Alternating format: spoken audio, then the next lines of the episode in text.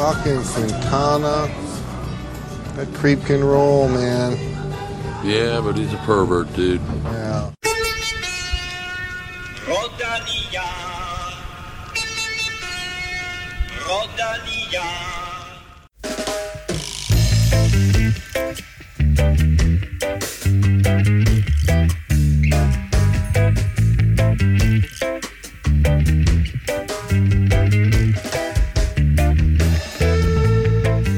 Som hyldest til Nairo Quintana fik drengene fra The Big Lebowski lov til at åbne denne episode. Movistar-kaptajnen vandt den flotte anden etape af Vuelta a España, som rykkede rundt på klassementet efter en i forvejen dramatisk holdtidskørsel. I PostNord Danmark rundt var det til gengæld banerytterne, der dominerede Niklas Larsen. To overraskende den samlede sejr, og du kan høre fra ham senere, hvor han blandt andet afslører sin noget usædvanlige drengedrøm. Senere, der runder vi også lige afslutningen på Ungdommens Tour de France, bedre kendt som Tour de l'Avenir, og så kan du også se frem til quiz og spiltips, og så naturligvis mødet med mine to faste amigos de la bicicleta, El Plesner og El Jogasa. uh, Kim, øh, nu står det endelig fast, at Magnus Kort han skifter til EF Education. Er det et godt skifte for ham? Ja, det tror jeg, det er.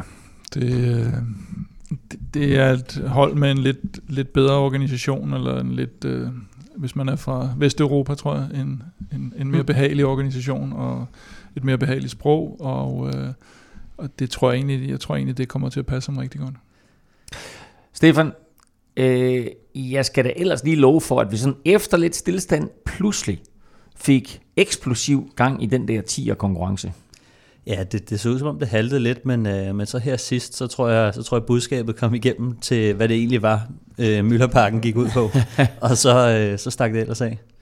Så øh, den heldige vinder af en date med Tina Møller finder vi altså lidt senere. det vil ikke aftale med Tina, det der. Vi er oppe på 210 fabelagtige støtter på 10.dk, så tusind tak til jer alle sammen. Det er ganske enkelt vidunderligt. Øh, og øh, som sagt, til dem, der støtter, så har vi altså nogle lodtrækninger, og vi har også, Stefan, øh, et øh, freebet til Otse i dag. Ja, det har vi da. Øhm, vi har fået en ny sending, øh, så øh, vi trækker lod om et 200 kroners freebet senere. Ikke? Sådan. Du kan som altid finde os på iTunes, SoundCloud, Spotify eller i din foretrukne podcast-app til Android. Og når du alligevel er derinde et eller andet sted i podcast-universet, så giv os gerne en anmeldelse og nogle stjerner med på vejen. Og så må du meget gerne fortælle dine venner, bekendte, familie og andre cykelbuddies om Velropa Podcast, så vi kan komme ud til endnu flere cykelinteresserede danskere. Husk at følge os på Twitter og Instagram, der finder du det på snablag Velropa, og så finder du os naturligvis også på facebook.com-velropa. Mit navn er Claus Elming, du lytter til Velropa Podcast, præsenteret i samarbejde med Shimano og Otze fra Danske Spil.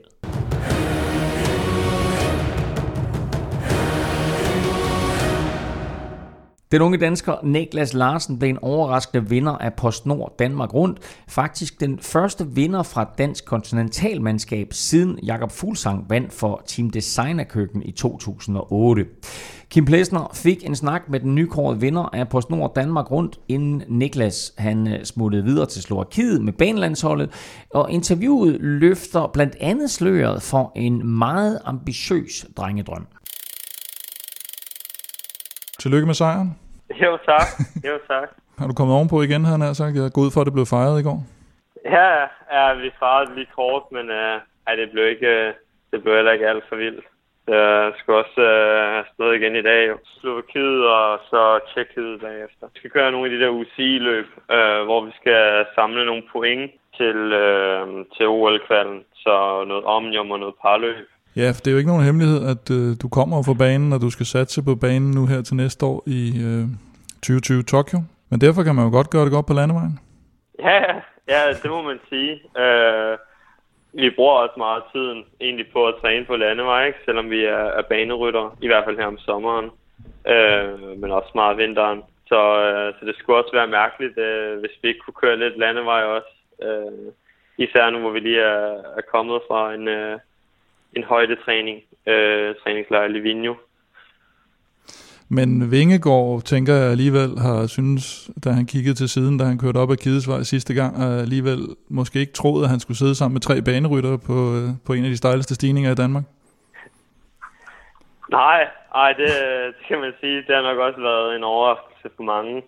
Men øh, ja, jeg tror, jeg tror også, at, øh, at det er meget godt, at vi lige fik vist, at øh, bare fordi vi er banerytter, så, så er det ikke fordi, vi øh, ikke kan køre, køre et andet vej. Vi kan faktisk også godt køre opad, når vi først øh, får, får smidt nogle, øh, nogle lidt større muskler, eller hvad man skal sige, for at trimme os lidt ned til, til måske ikke øh, lige så powerful banerytter, men mere sådan, øh, også så man kan, kan køre lidt opad. Var det i Vejle, at du... Var det, var det der sejren blev, blev vundet, hvis du ser sådan lidt tilbage på løbet over de fem dage? Ja, altså sådan, man kan sige, det afgørende moment har nok været, øh, været selvfølgelig at, at overleve enkeltstarten. Øhm, men så øh, efter det, så har det jo nok været Vejle at vise, at, øh, at jeg, kan sidde, jeg kunne sidde med der og være med de bedste der. Fordi så tror jeg også, at, at det ligesom gør det lidt sværere for dem, fordi så skal de tænke lidt ud af boksen, fordi så kan jeg nok også godt sidde med på Asnes. Øh, men øh, jeg tror også, det var rigtig vigtigt, at jeg var vågen på første etape, og viste, at jeg var klar til at køre cykelløb på dag 1, øh, og fik taget de, øh, de sekunder, der var der. Øh, for ligesom at, at have det her forspring, der har gjort, at de har skulle, skulle ud og tænke lidt ud af boksen for at prøve at hente det. Ja, fordi det, det overrasker mig lidt, du siger det med enkeltstarten, for jeg kan huske, nu sad jeg lige og lyttede igennem sidst, vi, hvor vi havde dig i studiet jo, hvor, hvor du også fortalte lidt, at du, at du kommer jo nærmest også fra at være, at være enkeltstartsrytter. Og så sagde du også, at, at øh, det er omkring halvanden år siden, tror jeg, øh, det her, og så sagde du, på et tidspunkt kunne jeg godt tænke mig at gøre det godt i, øh, i PostNord Danmark rundt. Øh, hvor overraskende er det for dig, at der ikke skulle gå mere end halvandet år, før at du så står helt øverst på podiet? Jamen altså, det, det er jo rimelig overraskende, men... Øh Ja, jeg ved ikke, altså det var også på en eller anden måde, selvom det, altså så havde jeg også godt tænkt på, at det godt kunne være i år. Øh, ja, det var også det, jeg snakkede øh, med Christian om i forhold til holdet i hvert fald. Øh, ikke at jeg skulle vinde det, men, øh, men at jeg skulle gøre mig klar, og det var, det var det, der ligesom skulle være et af de store mål i år, at jeg skulle være i topform til. Øhm, så jeg havde i hvert fald fokuseret meget på det, men jeg har nok ikke lige tænkt sidste år, at jeg ville vinde det, i hvert fald næste år. Men øh, ja, nu gik jeg efter det, og så, så gik det jo. Og der er jo ikke specielt stor pres på dig, fordi den seneste kontinentalrytter for Danmark, der vandt, det var Jakob Fuglsang, så det er jo bare at, at gøre nogenlunde ligesom ham og vinde lidt Liège og sådan noget. ja, det ville ikke være helt dårligt, hvis vi bare kunne øh, gå nogenlunde samme retning. Men øh, jeg, jeg ved ikke, om, øh, om vi måske er helt de samme ryttertyper, men, øh, men altså, det, det er da i hvert fald fedt at, at have, have været med til at, at, at lave noget, ikke? hvor man kigger på de tidligere år, hvem der har vundet, og så ser, hvad de har drevet det til, så, øh, så gør det mig også rimelig optimistisk øh, for fremtiden. Ja, fordi netop det der med ryttertyper, fordi jeg tror, at der er mange, der sidder nu og tænker, jamen, øh, hvad er du så egentlig for en type nu? Fordi du, så er du banerytter, er du enkeltstartsrytter, er du sprinter, er du allround-rytter, er du små bakke-rytter? der, der er lidt at vælge imellem nu, synes jeg. Ja, ja, jeg tror også, det er, det er rigtig svært. At, jeg tænkt også lige selv kort over det i dag, fordi at, øh, ja, jeg, jeg ved ikke, altså jeg, jeg, var, altså, jeg følte ikke rigtigt, at der var ikke nogen punkter i løbet, hvor jeg sådan tænkte, okay, her er jeg helt klart den bedste, eller her er jeg meget bedre end de andre, men, men jeg følte mig sådan lidt stærk på alle punkter, ikke? Øhm, så, så jeg ved ikke, øh, jeg ved ikke lige helt øh, heller selv, hvad det er, jeg var stærkest i, men øh, jeg tror det i hvert fald kommer meget godt til gode, at, øh, at jeg var sådan god i, i alle ting, og så måske ikke var den bedste til noget af det. Og det er jo et positivt problem, kan man sige, øh, at, at du er god til mange ting. Nu har du, som sagt, øh, 2020 står sådan lidt, du har skrevet kontrakt med, med det norske Uno X-hold, og du skal, du skal koncentrere dig lidt om banen også øh, i, til OL i Tokyo. Men har det gjort dig sådan lidt mere, det lyder lidt som om, at du, du måske skal til at tænke lidt over, hvad der så skal foregå bagefter, i forhold til, at nu ligger det sådan meget fast, hvad du skal her det næste års tid. Øh, er det ligesom om, at der er lidt mere åbent, øh, åbent fremadrettet så? Ja, ja, helt klart. Altså, jeg, næste år, som du siger, det er jo meget bygget op omkring, at øh, vi skal gå efter OL og satse på at, at se, om vi kan få en, øh, en guldmedalje. Det ville jo være helt fantastisk. Men, øh, men efter det, der, der er det jo meget åbent, og der tror jeg bare, jeg vil prøve at se lidt, øh, se lidt tingene an, og jeg måske stadig prøve at se, om jeg ikke kan få kørt øh, lidt bane, men måske fokusere lidt mere på, øh, på at blive en rigtig god landevejsrytter i mellemtiden. Uh, det, det kunne være meget sjovt at se i hvert fald, hvad det kunne blive til.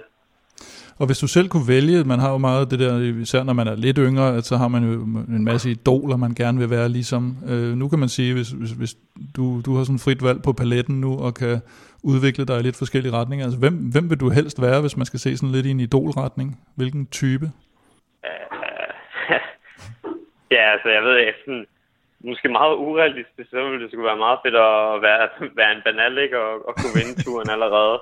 Men, øh, men hvis man skal se sådan lidt mere realistisk på det, og sådan, så kunne, kunne det være meget fedt at, at blive sådan lidt en, øh, en, en af de der klassiker-type rytter, der også skal køre øh, de der kortere etabeløb, ikke?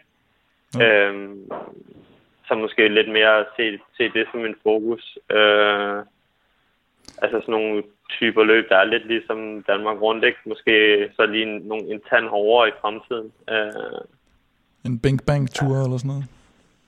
Ja, ja, noget i den stil. Uh, tænker jeg, det kunne være et meget, meget mere sådan realistisk mål, og sætter trods alt også uh, rigtig meget prestige i, selvom det ikke er lige så hype som at vinde turen. Men hvad hvis, øh, du må også have sådan en, en drengedrøm, ligesom en fodboldspiller, han vil gerne på fodboldlandsholdet og så videre, og nu har du selvfølgelig opnået at vinde, vinde Danmark rundt, hvilket de færreste danske cykelrytter faktisk prøver. Men hvis man skal drømme sådan rigtig stort, er det så sådan noget Paris-Roubaix, eller hvor, hvor har du det der helt store drømmemål henne? Nå, men altså, hvis, hvis det skulle være det helt store drømmemål, øh, som jeg altid har drømt om som cykelrytter, så var det at vinde turen ni gange. Men øh, men nu er det nok bare mere at, at prøve at, at komme til at køre turen en dag. Øh, det kunne være rigtig stort. Øh, og ja, så derefter så ville det også være meget fedt bare at kunne komme op på rulleturen, ikke? Og så øh, prøve ligesom at udleve drømmen som bare at være øh, fuld øh, professionel øh, rulleturrytter. Hvor, kom, hvor kommer det der ni gange fra? Hvorfor lige ni? det var fordi, at øh, da jeg var lille, der var jeg meget glad for turen, og ja, jeg synes, at øh, hvis man nu endelig skulle, skulle vinde, øh, vinde det største løb, så synes jeg også lige, at man skulle cementere sin sejr, i stedet for at slå øh, Lances rekord der på syv dengang, så tænker jeg. Så i stedet for bare at vinde 8, så kunne man lige så godt vinde ni gange. det er klart. Øh, for ligesom at være overlegen. Ja. Men øh, ja, det var en ung knægt. Ja. Det var inden han havde kørt sin første bjerg man, man skal drømme jo. Har, har, der allerede været, har der allerede været sådan, du ved, henvendelser, eller sådan lidt, du har kunne mærke noget, noget interesse udefra øh, nogle af holdene, der har været med i Danmark rundt, eller noget i, i forhold til din præstation? Ja, altså sådan, ikke, ikke i forhold til, øhm, til kontrakter og snakke mm. om sådan noget øh, med hold, men mere i forhold til, at der er rigtig mange, der var hen og sige, godt kørt og tillykke, og held og lykke inden sidste etape øh, med de andre sportsdirektører. Så ja, det var super fedt. Øhm, selvom der måske ikke er så meget øh, kontrakt i, i det, så er det super fedt at få anerkendelse fra dem og se, at de har lagt mærke til det. Øhm, det synes jeg i sig selv er, er rigtig fedt. Niklas Larsen, som vinder af PostNord Danmark rundt, den øh, havde vi ikke lige set komme. Nej, det, jeg tror ikke, vi var de eneste, men øh, jeg, jeg troede, han ville få det for, for svært på, på den her hårde, hårde rute. Jeg øh, synes, der var nogle andre, der lå lidt, lidt, lidt mere til højre benet til. Men øh, som han fortæller, så, så har han gjort sit hjemmearbejde ordentligt, og mm. han har smidt kilo, han har været på højdetræningslejr, han har trænet godt på landevej. Vigtigt, og... vigtigt i forhold til vores Nord Danmark rundt, man er på højdetræningslejr. Ja. ja. Når man kommer virkelig op i højderne der i Vejlæg, der er det godt at have trænet. Ja, men det, jeg tror også, altså, historisk set, så har Niklas måske ikke lige været den store øh, bakkerytter egentlig, øh, men man kunne virkelig se, øh, her til, til PostNord, at øh, han virkelig var, var trimmet øh, og havde, øh, havde gået efter faktisk og, og køre efter det samlede, og øh, det kunne man virkelig se, at øh, han, havde, han, var, han var godt forberedt, og var, altså, jeg kunne slet ikke kende ham faktisk, øh, så tynd som han, han så ud der. Lyshåret knægt, krøller. ja, det, var, det kan du ikke se, når han kører cykelløb. Men, der, var en, der, der var en, der skrev til mig på, på Twitter, en anden, sådan en, en udenlandsk uh, cykelsports uh, dude der, som sagde, hvad, uh, Kolokvik i Danmark rundt. Hvem spurgte de for? Niklas Larsen eller Rotenberg? Det var sådan ligesom det, der var mm. spørgsmålet. Ja. Ikke? Det var ikke noget mere, om Niklas Larsen skulle køre om den samlede sejr. Det var sådan mere, hvem spurgte de? Og så sagde jeg til dem, der er, der er sgu ikke rigtig ret mange andre sprinteretapper end Frederiksberg, så, så det er nok svært at sige, men, men øh, det var ikke sådan, jeg sagde til ham, nej nej, øh, Niklas han vinder det hele. Men øh, det gjorde han. Han øh, overtog øh, føretrøjen efter øh, Vejle-etappen op ad Kidesvej, hvor han øh, sad flot med, og jeg mener, han blev nummer tre på den etape. Øh, og så forsvarede han den dagen efter på Astens Indelukke, og så var det bare en formsag at forsvare den på Frederiksberg også. Og, og så stod det altså klart, at øh, den her unge Kolokvik-dreng, der jo skifter til det norske Team Uno X her øh, efter vinterpausen, øh, at han var vinder af PostNord Danmark rundt. Hvor svært, Stefan, er det for et trods alt lille dansk kontinentalhold som, øh, hold, som øh, Kolo Kvik at vinde sådan et løb her med så mange øh, store hold repræsenteret? Øhm, jamen, det er jo svært, fordi at øh, de har øh, altså de har, de har et godt hold med, men men måske ikke et, et hold, der er lige så godt som de to lottomandskaber, der var der. Øh, så når de første er i føretrøjen... Altså det ene lottomandskab, der hedder Sudal, og det andet lottomandskab, der nu hedder Jumbo Visma, eller? Det er rigtigt, Jumbo Visma. øhm, ja, men altså, når, når man har føretrøjen, så er det jo... Alle kører mod føretrøjen, så der kræver det virkelig, at man har et stærkt hold. Men øh, jeg vil sige, med, med den måde... Øh, at cykelløbet øh, kørte på, der, der blev det ikke helt overladt til føretrøjen. Man kunne se, at øh, rivaler også havde en agenda osv., så, videre, så de blev også hjulpet lidt på vej af de andre hold. Øh, og det, det tror jeg blev deres redning, fordi at øh, nogle gange så ser man altså, at øh, de store hold de virkelig er klar til at, til at angribe. Og vi så det blandt andet med, med Wirtz, og, og da, da han havde føretrøjen, og øh, dansker øh, landsholdet der, de, øh, de, de, de, de, de blev rimelig meget krøllet sammen der, og man kunne se, øh, da de først ramte Kidesvej, der, øh, der var Mads Wirtz sådan rimelig øh, sat til vækst. Fordi Men det havde du jo sådan set forudset, fordi Wirtz han kørte sig i føretrøjen på mm. enkeltstarten, øh, og den dag, der havde vi jo så vores seneste udgave ved Europa Podcast, og allerede der, der forudså du at han ville komme i problemer på Kidesvej. Ja, men det var fordi, at jeg har... Øh, altså nu, nu kender jeg ham lidt, for jeg har kørt mod ham, og øh, jeg har bare set, hvordan han har kæmpet med, med Kidesvej-etappen øh, alle de gange, han har kørt den. Øhm, og tidligere, der er han jo blevet hjulpet rigtig godt på vej af sit hold, hvor han er blevet sat på Kidesvej, og så har han haft nogle holdkammerater, der ligesom kunne trække ham igennem etappen, eller køre ham op igen. Øh, og så tænkte jeg lidt, jamen egentlig så ligger den jo ikke rigtig til ham. Det er ikke rigtig hans stil, det der med de skarpe, punchy øh, stigninger. Øhm, men, øh, men jeg tænkte også, okay, nu har han kørt turen. Øh, det kan være, at øh, han lige pludselig har det der World Tour gear, som de andre ikke har. Men det var derfor, jeg havde lidt bekymringer om det, men det, det viste sig så også desværre at være, være sandt, fordi at da det først kom derind, øh, og han endda skulle sidde og, og forsvare på de angreb, der kom, øh, der blev det lidt for meget til ham, og så, så gik han helt ned med fladet. En anden øh, af forhåndsfavoritterne og en rytter, som vi havde store forventninger til, det er Alexander Kamp. Øh, han fik det aldrig til at spille i årets PostNord Danmark rundt, og, og man kan vel se det på den måde, at han får vel ikke nogen bedre chance for at vinde øh, det løb i karrieren. Nej, jo, det, det kan sgu godt være. Altså, man kan sige, øh, det er egentlig lidt ligegyldigt, fordi at øh, hele hans mål med det, det var egentlig at komme videre til World Touren, og øh, det er han nu. Så, øh, så han har sådan set ikke rigtig behov. hans mål med hvad? Altså hans mål med, med, med hans mål med, eller? Hans mål med Danmark rundt har jo altså i sidste ende været at komme på World-turen. Og øh, den lykkedes jo for ham øh, inden. Så, øh, så det var perfekt for ham, og, og jeg tror ikke, at han kommer til at sætte, sætte sigtekornet så meget på, på Danmark rundt i fremtiden. Øh, det er ikke for at sige, at det ikke er stort nok, men øh, det er et for lille et mål. Øh, Men det ender vel ikke på, at det er sådan, at vi er lidt skuffet over ham øh, i den her PostNord Danmark rundt udgave? Nej, det var altså den første etape, hvor der, hvor der sker den der forhåndsudskilning, øh, der, hvor, hvor Niklas også, som man siger, det var også vigtigt, at han kom med der i finalen, hvor, hvor Tish Beno vinder. Der, øh, der, der siger han jo selv, at der, der havde han simpelthen ikke. Altså han, han krampede øh, med det samme, de begyndte at køre. Øh, på Kidesvej, der, der punkterer han så på, på næst sidste omgang, så der er det jo svært at sige, hvad, hvad det kunne have blevet til. Men, men generelt så det ud som om, at, at, at kvadet var, var lige en, en, en formtand bedre i, i det her løb. Ikke? Ja, det, det flaskede så også for ham. Øh, ja. Men jeg tror sådan, jeg skrev lidt med kamp, øh, og han, han vidste ikke rigtigt, hvad der, altså, hvad der var galt, ikke? fordi at, at det virkede som om, han var virkelig tændt inden, øh, og så havde han lige en off day, og så mistede han lidt selvtilliden, og øh, jeg, jeg stødte også ind i Mati den ene dag, som også havde snakket med ham og prøvet lige at tale ham lidt op igen, og så tror jeg, så, så fik han lidt, øh, lidt blod på tanden igen og, og, og prøvede, men, men den var der så bare ikke alligevel mm. i sidste ende. Øh, og øh, der, der bliver de altså reddet rimelig meget af kvadet, som virkelig går ind og mm. overrasker, og fuldstændig vanvittigt at se, øh, hvordan han sidder med på, på Kidesvej, fordi det er altså ikke noget, som... Ja, det var jo øh, det mest overraskende der. jeg kan vil godt sige, om. øh, men jeg tror, han har evnen til at, til at æde sig selv, øh, og, og selvom jeg ikke øh, synes, det er så, så fedt, når han ligger der og er ved at omkomme efter, øh, efter, efter hvert resultat, så, så har han altså evnen til at æde sig selv, og, og han, han taber altså bare ikke et hjul, når han først sidder der. Niklas Larsen skal næste år, som nævnt, øh, køre for det norske Uno X-mandskab. Øh, og så satser han jo, har han også fortalt her tidligere i Velropa podcast, på OL i Tokyo.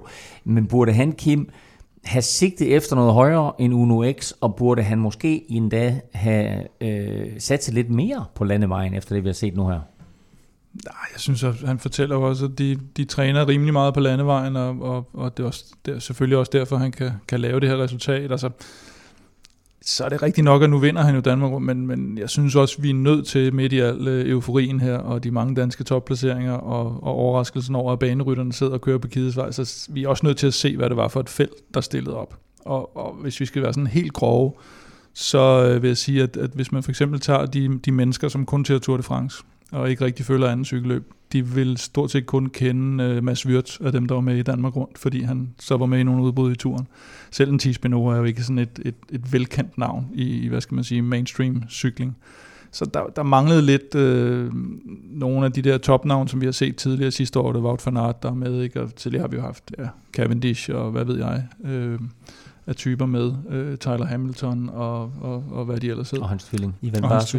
Ja, ja, nå, men altså, der har været nogle virkelig store navne, ikke? Og også nogle, og nogle af de der store World Tour hold, der så har stillet med et eller andet helt overdrevet godt hold, ikke? Jeg synes ikke, Så- det tager så meget væk fra ham alligevel. Altså, man skal alligevel tænke på, at øh, der er nogle, nogle hårde herrer med fra, fra Jumbo Visma og, og Lotto i hvert fald, men, men derudover så var der måske ikke så meget at komme efter.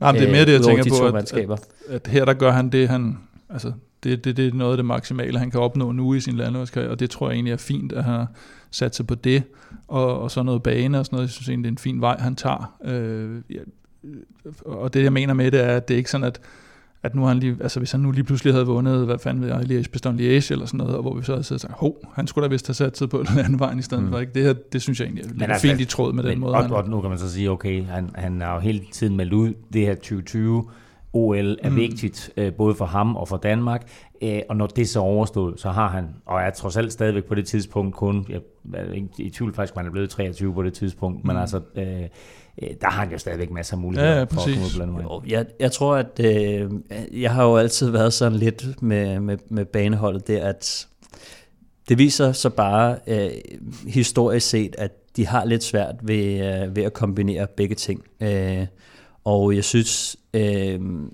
at nu, nu har jeg snakket med nogle af banerytterne før, at de mener jo, at, at det, er, det er enormt god træning, og øh, altså, de bliver jo sindssygt dygtige cykelryttere øh, i en tidlig alder, og det kan man jo se, hvordan at øh, også når vi ser det her Danmark rundt, øh, Kvade har været på, på banelandsholdet, Norman har været der, øh, Niklas har været der, øh, og Rodenberg har været der, Kasper P. har været der, øh, og hvis vi kigger tilbage på sådan en som Kasper P., så var han jo med til OL, eller han var på holdet, men han fik ikke lov at køre, og det var jo en kæmpe skuffelse for ham. Han fik øh, bronzemedaljen, men var aldrig på banen, og øh, så skrottede han det, og så gik han all in på, øh, på landvejen, og så kørte han en fantastisk sæson, øh, og blev nummer tre øh, i Danmark rundt, og røg så videre der. Ikke? Så man kunne virkelig se, det var ligesom om, han lige slap bremserne på landevejscyklen, og så skød han altså bare derud af og scorede sin kontrakt med, med Sunweb lige efter.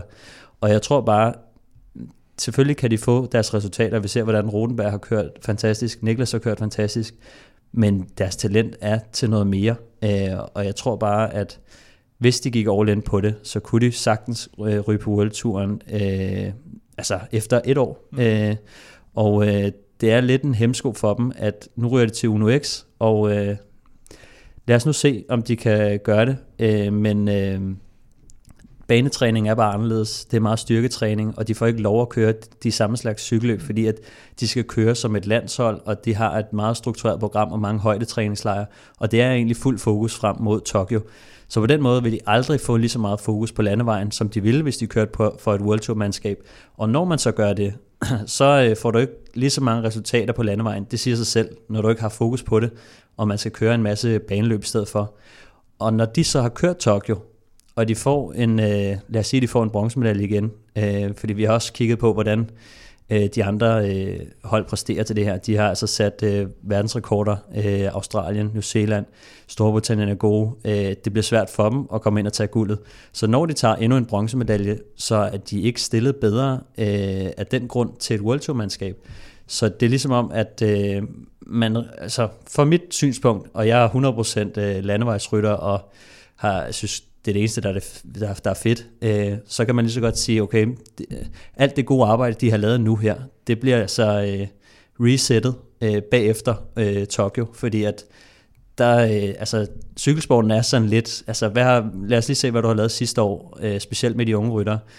Der går man ikke lige øh, to år tilbage og siger, nå, det var sgu da meget fedt, men hvad har du så lavet øh, de sidste to år? Øh, så lad os nu se. Øh, jeg synes, det er, det er lidt ærgerligt, men som de også siger, det er fantastisk træning, og øh, de, øh, de, de, bliver, de, de bliver dygtige cykelrytter. Du sidder og kigger på mig, Elving. Jamen ja, altså jeg sad bare og lyttede til den her øh, øh, lange ene tale, øh, og, øh, og var lidt forbløffet over det, sådan at, at, øh, at du ikke øh, sådan bakker op omkring det her danske banelandshold og, og vores øh, chancer for at få endnu en, en medalje i den sammenhæng. Øh, og også fordi vi har jo talt om, at, at de her temporytter, øh, at det jo netop faktisk er dem, der dominerer landevejen. Så jeg sidder bare og tænker, at når de så er færdige med det der, så jeg, jeg kender ikke deres, deres kontraktstruktur hos Uno X, men altså, øh, der er vel en eller anden form for exit-klausul i, sådan så hvis de får et tilbud fra et World Tour hold, så kan de droppe den kontrakt med Uno X. Øh, så er det her, er det ikke, altså, er det ikke den, det, det, altså, vi, da vi havde Frederik Rodenberg i studiet, der var Niklas faktisk med og, og så videre, og der, der, der fortalte de jo netop om, at det der var fedt ved at komme på det her Uno X-mandskab, det var, at de bakkede dem op i den her ambition om at gøre det godt i OL 2020. Jamen, de har jo, altså, de har jo en toårig kontrakt. Jeg, øh, de har, jeg kender jo ikke deres kontrakt i detaljer, men, men øh, normalt har du ikke på po niveau en exit-klausul. Det er jo, at når du kører Conti, så kan du mere eller mindre hoppe fra, hvornår du vil, hvis du skal op på, på World Touren også i, i løbet af sæsonen, som vi så Askren gøre.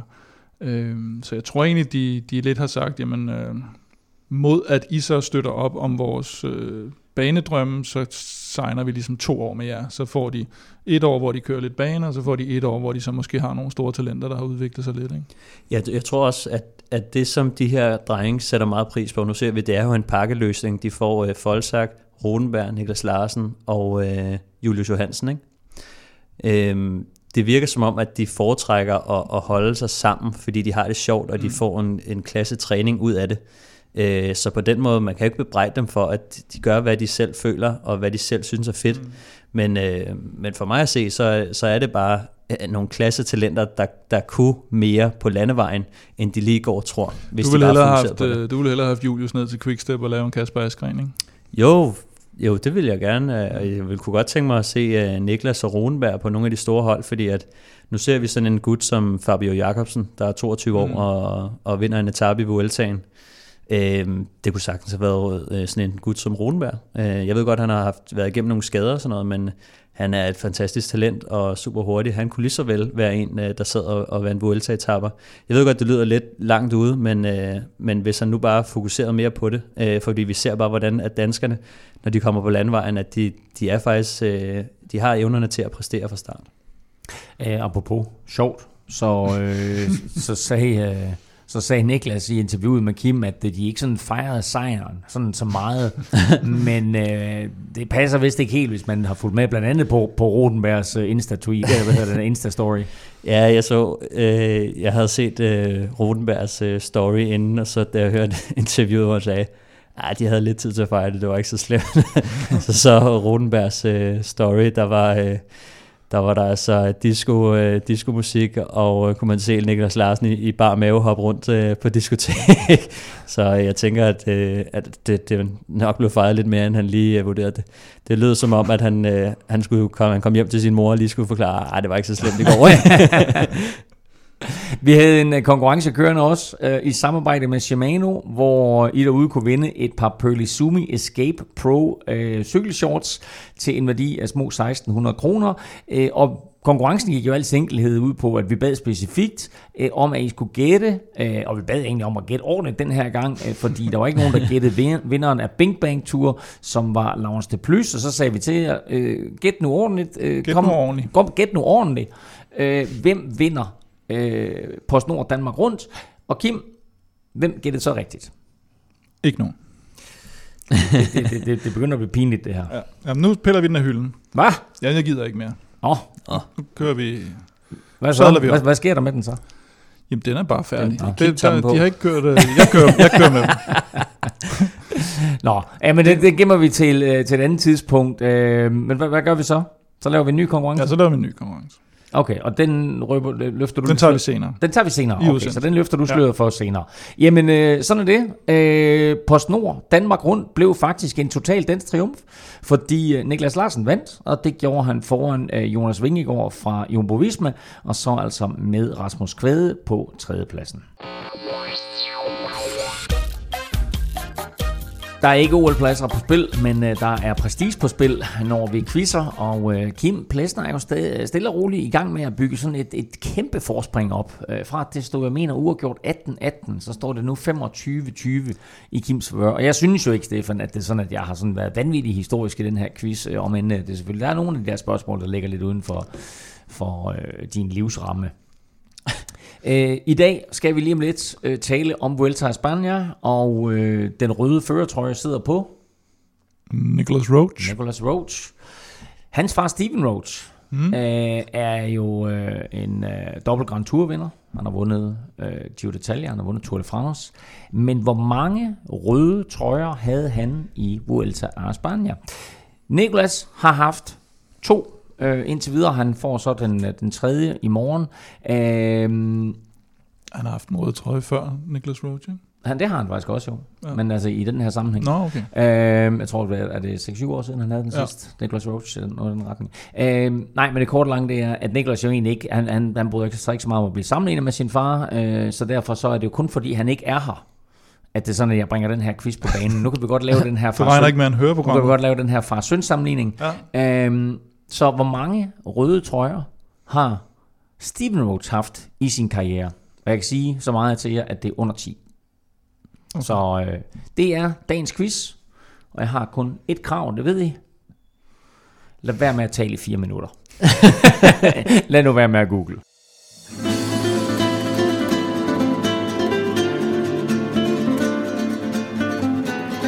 Fjerde etape af Vuelta a España er netop slut. Den vender vi om lidt, men vi kan roligt sige, at det spanske etabeløb allerede har givet os masser af underholdning. Både dramatik, styrt, et helteexit, helte-exit, eller hvad skal vi kalde det, et, øh, et favorit-exit. Der har været forskydning af klassementet, og så har der været en kaput børne swimmingpool. En uh, overraskende, dramatisk holdtidskørsel, og så en klassementskamp allerede på anden etape. Det har været blandt højdepunkterne indtil nu i Vuelta a España. Men lad os lige starte med Vueltaens første etape, nemlig lørdagens holdtidskørsel. Jumbo Visma var store favoritter, men næsten hele holdet måtte en tur i asfalten, øh, og så stod den i stedet for en etappesejr til et tidstab på 40 sekunder til Roglic og company. Og øh, det var ikke helt deres egen skyld, Kim. Nej, det må man sige. Det var, det var, jeg ved så heller ikke, om det var det der kaputte øh, barnschwimbad, eller kinderschwimbad, tror jeg det var, det hed. Øhm, der, der skulle angiveligt, eller det var den første historie, der kom frem, at der havde siddet sådan en lille dreng i, et, øh, en lille børneswimmingpool ved siden af ruten, og så kom til at stikke hul i plastikken eller sådan noget, så vandet var løbet ud på, på vejen. Men øh, når de kommer kørende på deres øh, enkeltstartscykler der, så lige for, for våde dæk lige ind et skarpt sving, og så, øh, og så er der til med at lidt striber på vejen, ikke? Så så var skal sådan det... en, en, en mini-å der på tværs ja. af, af vejen, sådan Øh, 40-50 cm bred. og Det, Kinderschwimbad, der var ja, gået i stykker. Den skal, sgu, den skal næsten gå galt, ikke? Og det var jo ikke kun dem, det var også øh, UAE, der røg ud, og, og Aru kørte, øh, kørte anden etape med forbindinger på benet. Så, Og, og øh, nu, da UAE de styrter, det får man faktisk først at se lidt senere, fordi mm. der var så stor fokus på Jumbo Visma. Men da de styrter, der er det vel egentlig først, at arrangørerne de opdager, hov, der er et eller andet galt her. Og der ser man så, at Jumbo Visma kommer, der står altså to officials, der står med sådan en flag og ligesom vinker og siger, Ja, hey, pas på, pas på. Men altså, der er de jo, der er de jo øh, enkeltstartsmode og tænker bare på at komme igennem. Så de, de Ja. indsatte det nærmest ikke, før de ligger og roder i hegnet. Nej, Quickstep kom rundt, men man kunne også godt se, at den var ved at... Den var ved, men du kan jo heller ikke, altså... Hvad skal du gøre, ikke? Fordi når det er så kort en Mm. holdtidskørsel, hvis du tager et eller to af sådan nogle sving, sådan helt gelinde, så, så kan du aldrig nogensinde vinde den. Det kan du simpelthen ikke. Men øh, de havde selvfølgelig nok byttet, øh, hvis de vidste, at, at Ja, der lå for- 40 sekunder at vente, så havde de nok lige taget de der 5-10 sekunder, det tog at komme ekstra rundt i, Ja, i svingen. ikke? og to, så koster det jo mere end sekund, og det koster dem faktisk en af deres Ja, så koster det Krausweig nu, som øh, udgik i dag ikke? På, øh, i starten af etappen. Han så ikke godt ud, øh, på de her to øh, første mini-bjergetapper, øh, hvor han sad og hang lidt og, og, og blev smidt, og han var vel en af forhåndsfavoritterne, selvom han måske nok har en, en, en hjælperolle, eller havde en hjælperolle i, form, øh, øh, i forhold til Roglic. Men øh, han ryger altså ud, øh, har, fået, har pådraget sig en knæskade efter holdtidskørslen, mm. og øh, stod altså af her øh, tirsdag synes i det hele i taget- Spanien. I det hele taget, man så, altså det er som om, de har haft sådan lidt en, en, en mærkelig start, for man så efter, var det, der var gået under en kilometer, så var vores øh, gode ven Sepp Kuss, så røg han ud i, øh, var det ikke ham? Jo, der, der, jo. der havde mekanisk defekt, øh, og Det er vel ikke så overraskende, at en bjergrytter han får mekanisk defekt på en holdtidskørsel. han gad ikke rigtigt. Nej, men det var ligesom om, at, øh, at det var sådan en, øh, en, En dag, de, en, en dag til glemmebogen, ikke? Øh, Astana vinder den her etape, det vinder vi lige om lidt, men det gjorde de altså kun med nød og næppe, og måske især fordi det Køning Quickstep øh, også røg i lidt forhindringer. De klarede den her øh, Kinderschwembad med, med bravur, men røg faktisk i problemer efterfølgende, fordi Jumbo Visma havde endnu flere problemer. Ja, det, det var noget med, at de, de tabte en cykel for taget, tror jeg, og skulle ud og, mm. og samle det op, og der var, der var lidt rod i det. Og, Altså Jumbo Visma ja, Jumbo Visma-bilen. har simpelthen tabt en cykel der, som Så de da, have. da Quickstep de kommer rundt i et sving, så, så, så står, står der altså en lige en bil øh, stille, og, øh, og det koster altså lige lidt, for de skal, de skal lige dreje lidt ekstra skarpt og, og komme udenom den der bil, og heldigvis så, så styrter ingen af dem, men øh, der kom lige et hul øh, op til, der, jeg tror der var tre rytter, der kom sådan rimelig problemfrit Ja. forbi, men øh, der skulle lige, øh, skulle lige vente på de sidste, og, og det kunne meget vel have kostet et sekund eller, eller to-tre stykker. Så, Jo, øh, og så i sidste sving er der to af dem, der kører lige ud nærmest i svinget, ikke? og også Jo. lige må, må rette ind, så der, der opstår en masse øh, tumult der på, på holdet. Og det var, Men, men altså, altså, det her, det er jo selvfølgelig ubevidst, eller utilsigtet, men det er jo chikane fra Jumbo Visma. Øh, i forhold til, Nå, til ja. det Køning Kickstep. Men altså, er der ikke nogen sanktionsmuligheder? Er det ikke sådan noget med, at man siger, "Ah, okay, du er også uheldig, I får lov til at køre om? Som de siger i kloven, det er en force majeure. Nå, men altså, det, det er bare lidt utroligt, ikke? fordi altså, den der den der å af vand, den kommer til at, at koste Jumbo Visma, Ja, ja. og det er efter, fordi det er jo sikkert, altså det er jo sikkert et eller andet at gøre med, at da de så styrter, så er der måske nogen, der skal have en ny cykel, og så Ja, skal ja. de have cyklerne op på taget, og de skal jo væk fra det område der med bilen og cykelrytterne, inden det næste hold kommer. Mm. Øh, og så får de måske ikke spændt rigtig fast eller et eller andet, og så ryger der en cykel af, og så stopper bilen, og så kommer det König Quickstep, og så ryger de i problemer. Så er der ikke, altså, har man ikke en eller anden form for mulighed for at sige, øh, vi, an, vi annullerer lige øh, de her fire hold, og så starter I lige forfra. Ah, det, hvad for, Jamen altså, annullere nogle hold? jamen, altså siger I, I starter forfra, I starter, I starter igen. Altså, Nej, det kan man ikke. Det er jo det samme som... Nå, men, vil sige, så starte om igen, eller hvad? men der ligger også, der kan også sagtens ligge... hvorfor, hvorfor skulle det König Quickstep ikke have lov til at starte om igen? Altså, de bliver jo tydeligvis forhindret i at køre deres bedste tid på grund af den det. Visma-bil. Så skulle de øh, køre tilbage til starten. Og, og, Korrekt. Ah, det, det er langt ud. Du kan jo ikke køre, øh, så er de lige kørt øh, 10 km øh, holdtidskørsel, og så skal de lige trille tilbage til starten og tage den om igen. Jamen, Du har hele tiden, altså risikoen på lige præcis den her, det var jo nærmest som en gadeløb, kan man sige, øh, den rute, de havde lagt ind igennem, øh, i hvert fald visse dele af, Mm. mm. af ruten var. Og, øh, og der risikerer du hele tiden, at der er rytter, der er blevet smidt af de andre, som også kan ligge i vejen, for eksempel. Du kommer rundt i sådan en sving, og så lige pludselig Mm. ligger... Men Der lå jo to Jumbo Visma-rytter der. Ja, lige præcis. Nu var der så en bil, der holdt måske lidt i den forkerte side, og det er uheldigt, at han tager cyklen, og det har de selvfølgelig ikke gjort med vilje, men det, der, det eneste, der kan ske, er jo, at der kommer en kommissær op, eller en eller anden, og siger, eller hvad hedder det, fra, fra løbsledelsen, og siger, hey, og fløjter, og siger, kom væk herfra, eller sådan noget, men det, kan, ja. altså, det går for Nå, hurtigt. så du kan bare, altså, lad os nu bare sammenligne med skiløb. Lad os nu bare, for at tage noget helt naturligt, sammenligne med skidt. Okay. Jo, Jamen, der er, der er skiløb, hvor det er sådan, at etappen, øh, hvis man kan kalde det er så lang, øh, at de starter dem jo sådan set med, med 30-40 sekunders mellemrum, selvom de skal stå på ski i to minutter. Hvis en styrter, så bliver dem, der er på ruten, så bliver de bedt om, stop, du starter lige forfra. Nå. Nå.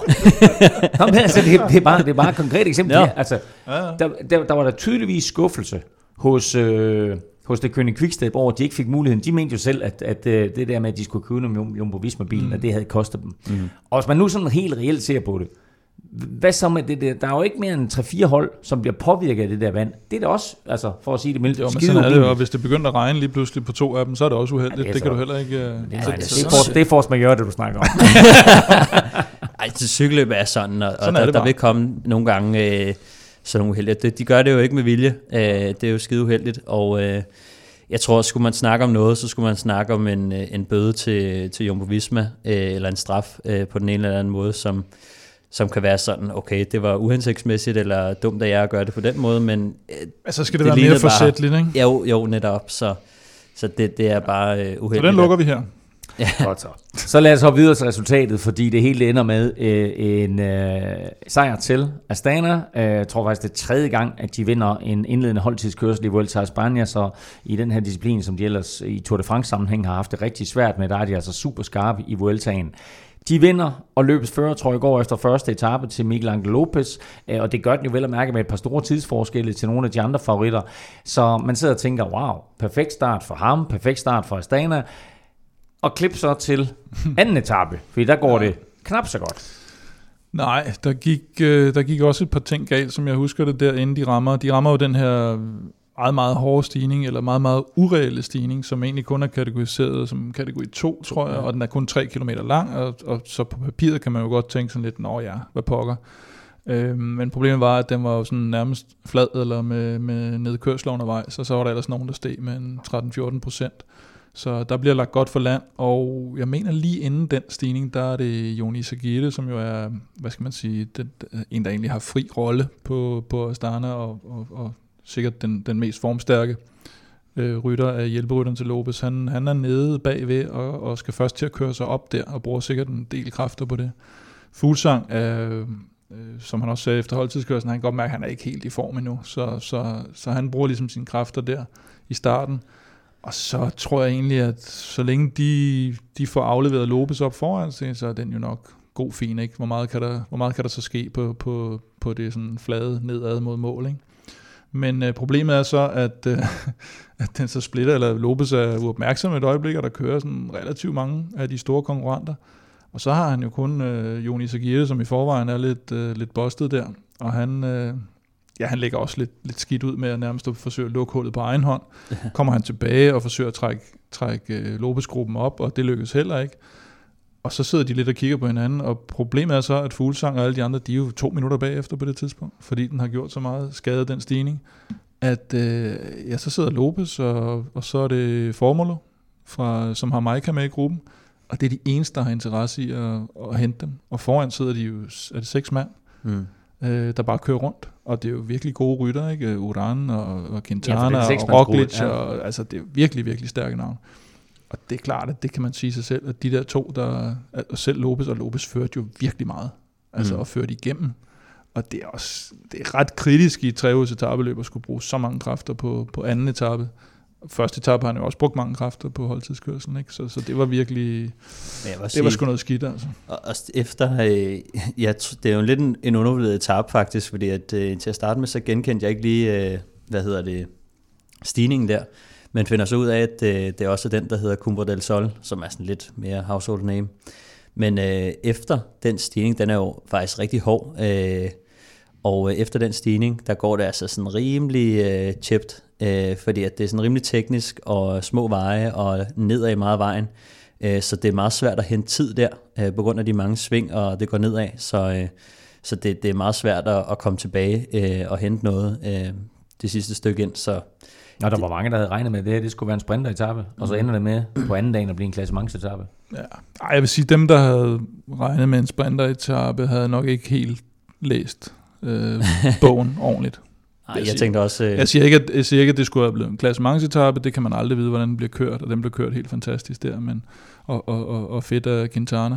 Øhm, men, øh, men, men man så også Sam Bennett, han slog jo ud nærmest inden de ramte den. Han vidste godt, hvad der Ja, ventede. Ikke? Det er jo også, øh, Kalpeområdet er jo et, et, et, et område, hvor at alle hold er på træningslejr, øh, så de kender jo godt de her stigninger ud og ind.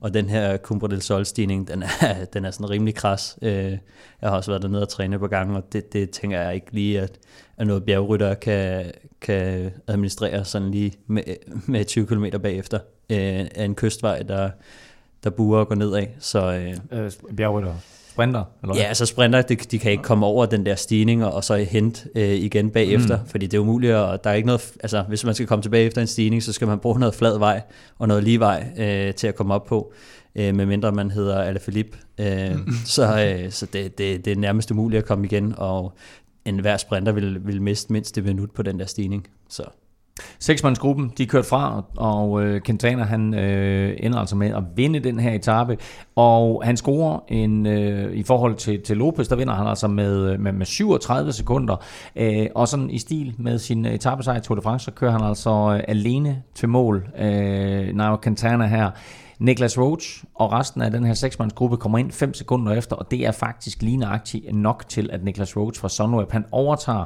den røde førertrøje, det gør han altså to sekunder foran Quintana. Vi talte øh, lidt om sidst, at Ineos ikke sådan havde de helt store stjerner med. Øh, ingen Grant Thomas, ingen Froome og, og ingen Tour de France-vinder, øh, Egon Bernal. Øh, men på papir, der havde de sådan alligevel et, et OK hold til holdtidskørselen, men konklusionen her efter de første fire etapper, det er, Kim, Ineos, ja, de er... Det, det er helt gone. Altså, det er, jamen, jamen, det, er, det er jo forfærdeligt at se på. Altså, det, det er jo nærmest, øh, det er, det er jo nærmest fornærmende at ringe. Øh, holdtidskørsel, altså, de har jo Kirjenka, Gergen Hart, de har Pols, de har Stannard, de har De La Cruz. Altså, du ser, hvad deres modstand var i det der, så er det, altså jeg sad og tænkte, den kan de vinde, den der. Og jeg var 100% sikker på, at de i hvert fald kom på podiet. Ikke? Og, og, men, men så når man så dem køre undervejs, som så Pols, han lå jo han, han lå helt bagerst, og kunne slet ikke tage en føring, øh, da de var nået halvvejs cirka. Og det så man så på anden etape, hvor de så, så smider deres to kaptajner smider 10 minutter ikke? På, en, på en kategori 2 stigning på 3 km. Og vi det er lidt jo, om, at det her det var Ineos' øh, afskedsgave til uh, Pols, at de ville ham være kaptajn i Vueltaen. Ikke? Den har han ikke. Ja. Den har han ikke de har så ikke øh, fortalt, at han skulle køre Vueltaen, så han har bare holdt på. Nej, nej men det er jo, det, altså, det er jo, det er jo, det er jo nærmest... Øh, Ja, det er jo nærmest uforskammet, vil jeg sige. Ikke? Jeg tror heller ikke, at Pols han er så topmotiveret, fordi uh, efter, uh, efter rygterne, så, øh, så skulle Ineos ikke være, have været villige til at betale ham særlig meget i løn mm. øh, fremadrettet, og øh, skifter nok øh, til, øh, til et øh, mellemøstligt hold. Ja. Øh, er det Bahrein? Bahrein siger den nu, ja. Og ja. så kan man sige, det kan da også godt være, at de bare har sendt den derned for som straffeekspedition og køre Vuelta, fordi de ikke gider. Øh, ligesom og, man men, ser men det var, det var sjældent, at man ser, nu har vi jo kendt dem som Team Sky, ja. øh, og Team Ineos er øh, en ny enhed, men trods alt det samme mm. hold. Vi har aldrig set dem så ringe. Altså Ej, de sidste det, 10 år har vi ikke set det her mandskab så dårligt. En gang i Giroen, hvor de jo ikke havde nogen som helst med, så forsøgte de da trods alt at køre lidt efter det. Og man, altså holdtidskørslen, jeg mener, de tager 25 sekunder. Øh, Jumbo Visma, de tager 40 sekunder, efter mm. de har fem mand i styrt. Øh, det, det, siger lidt om, øh, hvor, hvor vanvittigt ringe de kørte. Tredje etape blev så den forventede sprinter-etape, øh, og øh, måske blev det lige så forventet, at det blev Sam Bennett, der vandt. Han virker, øh, nu har vi ikke set ham i direkte opgør med, med, med Gaviria endnu, men øh, han virker som om, at han er en klasse for sig i den her Vuelta.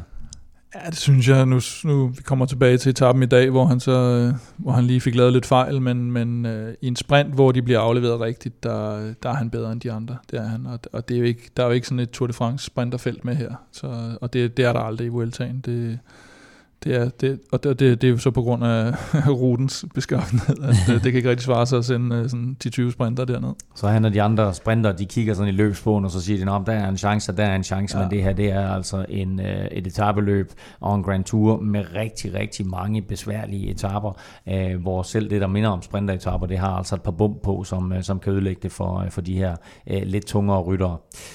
På fjerde etape, der tror jeg måske alle sammen, vi forventer at se Sam Bennett øh, mm. øverst mm. på podiet igen. Men det hele det ender faktisk med, at Fabio Jacobsen fra det kønne Quickstep vinder etappen. Og det gør han sådan set på baggrund af en taktisk finesse.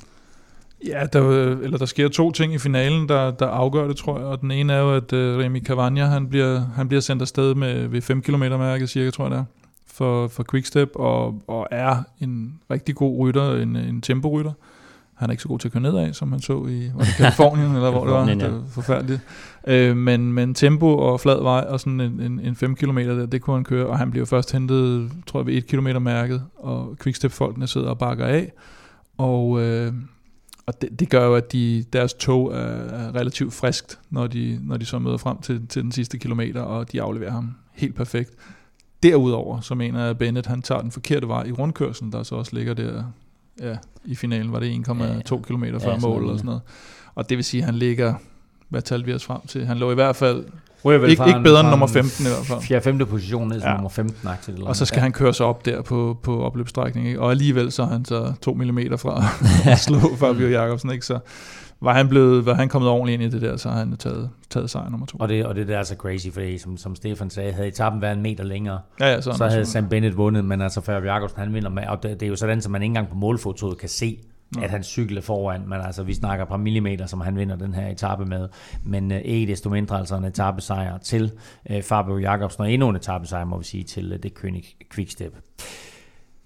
Stillingen i det samlede klassement efter fire etaper er altså, at Niklas Roach fører, og det gør han foran Nairo Quintana, der er to sekunder bagefter, og så Rigoberto Urán, der er 8 sekunder bagefter.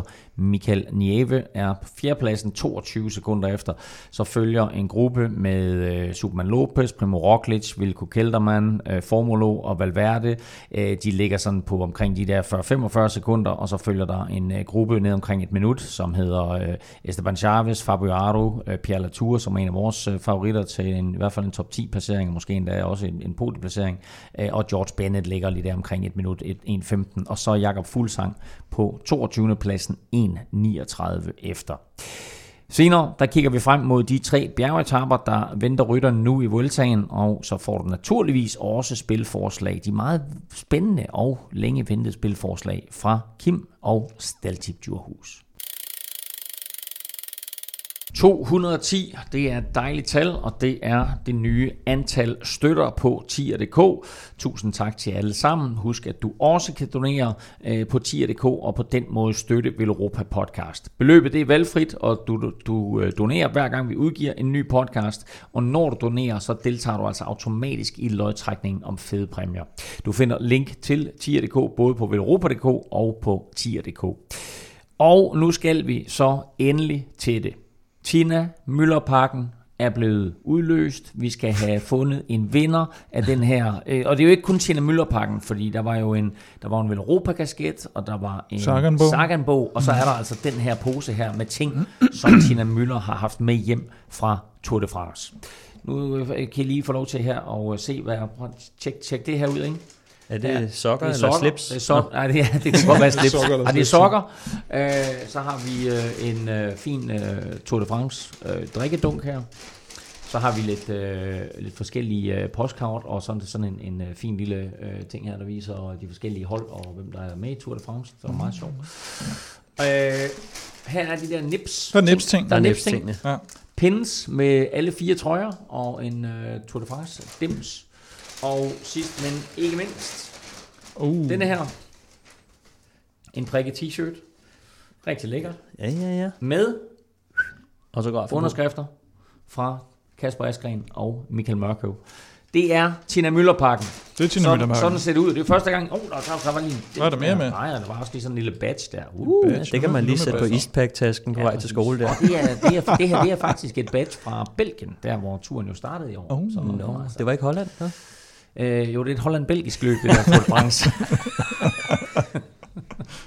Og hvis du ikke forstod den joke, så skal Ja. du lytte til den forrige podcast. Øh, men sådan så den ud parken, og I har Sådan så i faktisk ikke set den før. Nej, vi har ikke så, set den før. Øh, den har jeg taget med. Øh, Vi, og øh, nu vil jeg så lade... Normalt så er det Stefan, Ja. ja. som uh, trækker noget her, men i dag, Kim... Han er så opfyldt af eufori nu, efter at have set Ja. pakken, at han ikke kan tale. Præcis. Så øh, vi lader dig, Kim, finde den heldige vinder af den her Tina Møller Jeg synes, med at, øh, ekstra pakke. jeg synes, vi skal trække lodser, og øh, vi har Ja. snydt lidt på forhånd. Godt så. Og vinderen, det er Jesper Val. Jesper Val. Ja. Ja. Jamen, øh, fedt. Tillykke med det, Jesper. Øh, du vinder altså. Du er jo den her vinder, som vi har ventet længe på at kunne trække ud. Så Ja. tillykke med den store Tina Møller Tour de France øh, pakke, plus Saganbo, plus Velropa kasket. Øh, og tusind tak, fordi du støtter, Jesper. Vi skal også, Stefan, have fundet en vinder af et 200 kroners freebet til Otse. Hvem tager vi der? Øhm, jamen, det bliver øh, en, som har været med i, i rigtig længe faktisk, Ja. øh, har jeg lagt mærke til. Øh, det er Sebastian Højlund Stenskov, Så øh, han, øh, han får lige et øh, 200 kroners freebet til Otto fra Danske Spil. Sådan. Øh, som han passende kan bruge på et af vores øh, spiltips. Hey, som kommer lige om lidt. Jamen, øh, kæmpe stort tillykke til øh, Sebastian, og øh, et endnu større tillykke til Jesper Wahl, som altså vinder den her, vel sagtens vores, øh, vores største øh, præmie indtil videre, vores mest eftertragtede præmie indtil videre. Og det gælder altså sådan, så for at være med i vores lodtrækninger, der skal du støtte på, vel, på øh, tier.dk, og for hver femmer du donerer, der får du et lod i puljen, så altså jo større beløb, jo flere lodder, og dermed større chance for at vinde. Mange tak til alle 210, der alle støtter. Tillykke til Sebastian og ikke mindst Jesper Wahl med præmierne. Og Kim, så havde du jo sådan set lovet, at vi øh, ville sætte en ny konkurrence i gang, så jeg tænker, at det her det er et passende tidspunkt. Ja, det synes jeg da, og øh, jeg har talt lidt med Shimano, vor- vores øh, sponsor, og de øh, synes, de vil fejre, at øh, alle de gode rytter i øh, Post Nord Danmark rundt, de kørte med laserhjelme, Ja, hvis der er nogen, der lader mærke til det. ja. Der er Også, nogen, der øh, kører med laserbriller også. Ja, ja. Ja. Også øh, Sweet Larsen. Øhm, og de øh, er faktisk lidt friske på at udløje en øh, Laser Century Special Limited Edition hjelm. Uh. Hold da op. Så er den snakket op. Ja, ja, altså det Ja. ja. navnet er mega fedt. Og den er også lækker. Hvad Den koster den? Den koster 1300. Tre- Den koster 1300 kroner. Ja. Sådan. Det er en suveræn fed præmie jo. ja, det synes jeg. Nå, jamen altså en, øh, hvad hed den, sagde du? En Laser Century? Ej, Du får mig ikke til at sige det igen, jo. Laser. Laser, Century Special Limited Edition. Wow. Det er meget Godt. special. Shimano øh, er altså den glade giver af den her øh, super fede hjelm, og øh, hvornår, hvad, hvad, hvad gør vi? Vi udlodder den ved 225. Hvor meget er vi oppe på? Vi er på 210 nu. Så allerede om 15. Skal vi på 250? Nej, det er nej, nej, 225. nej. Wow, Ja, vi okay. lige så- jamen, 225. øh, jamen altså 15 stykker mere i Ja, ja, det er hurtigt. 10.dk-puljen, så trækker vi ud lod om den her øh, hjelm med verdens længste navn. Så øh, tilmeld dig nu på 10.dk og deltag i konkurrencen om den her øh, Laser Century et eller andet hjelm. Og så skal vi lige en tur rundt i cykelsportens nyhedsmølle, og vi lægger ud med en ærgerlig, men måske nok forventet nyhed. Jeg tror alle, vi sådan havde håbet på, at en pause kunne få ham både fysisk og mentalt tilbage på toppen, men nu står det altså fast. Marcel Kittel stopper karrieren. Det her, det var for tidligt, synes jeg. Ja, det er der ikke nogen tvivl om. Øh, det lader lidt til, at vi har med en øh, person at gøre, der har lidt skrøbeligt sind, og, og der ikke skal så meget til at slå ham ud af kurs. Og, og i cykelsporten, der er bare rigtig, rigtig mange ting, der kan slå dig ud af kurs. Og øh, så, så på en eller anden måde var han jo et af de allerstørste talenter, der har været, men måske også en af de rytter, der har passet dårligst til, til cykelsporten øh, i forhold til, til, til sådan, som han er som person. Men øh, det, det var svært at se. Både ham og Cavendish har vi sådan set lidt, øh, har tænkt sig lidt, det bliver svært at komme tilbage på det her. Ikke? Og, og Kittel har så taget konsekvensen, og nu må vi se, hvad, hvad Caven- Cavendish virker sådan lidt mere indebrændt. Og, og, og skal, Det og synes skal- jeg ikke. det synes du ikke? Nej, det synes jeg ikke. Oh, lidt, Han virker fløjtende Jeg havde æren af faktisk at lave en lille feature på, øh, på Marcel Kittel. Jeg mener det var i 2014 eller 2015 under Tour de France. Var det ikke i 14, han vandt de der fire etaper, inklusive, øh, inklusive øh, Champs-Élysées. Øh, og øh, besøgte ham ude på, på hotellet på en hviledag. Og der var han simpelthen bare super imødekommende. Rigtig, rigtig sød, og i modsætning til mange andre tyskere, øh, og især det var ikke det. Der kom en, der kom en fortsættelse her. Jeg vil sige, i modsætning til mange andre tyskere og franskmænd, så var han meget villig til at tale engelsk, og talte også godt engelsk. Øh, så fik lavet en, øh, en lille sjov feature om ham, øh, hans øh, utrolige evner på en cykel, og så det her med, at øh, selv hans holdkammerater jokede lidt med hans pæne hår og hans shampoo-reklamer. Øh, Det er jo nok derfor, at... Få det efter, få det efter, der vandt han på Champs-Élysées øh, den sidste etape der, og det var sådan øh, højde, højdepunktet vel sagtens på hans karriere. Ja, det var meget sjovt. Øh,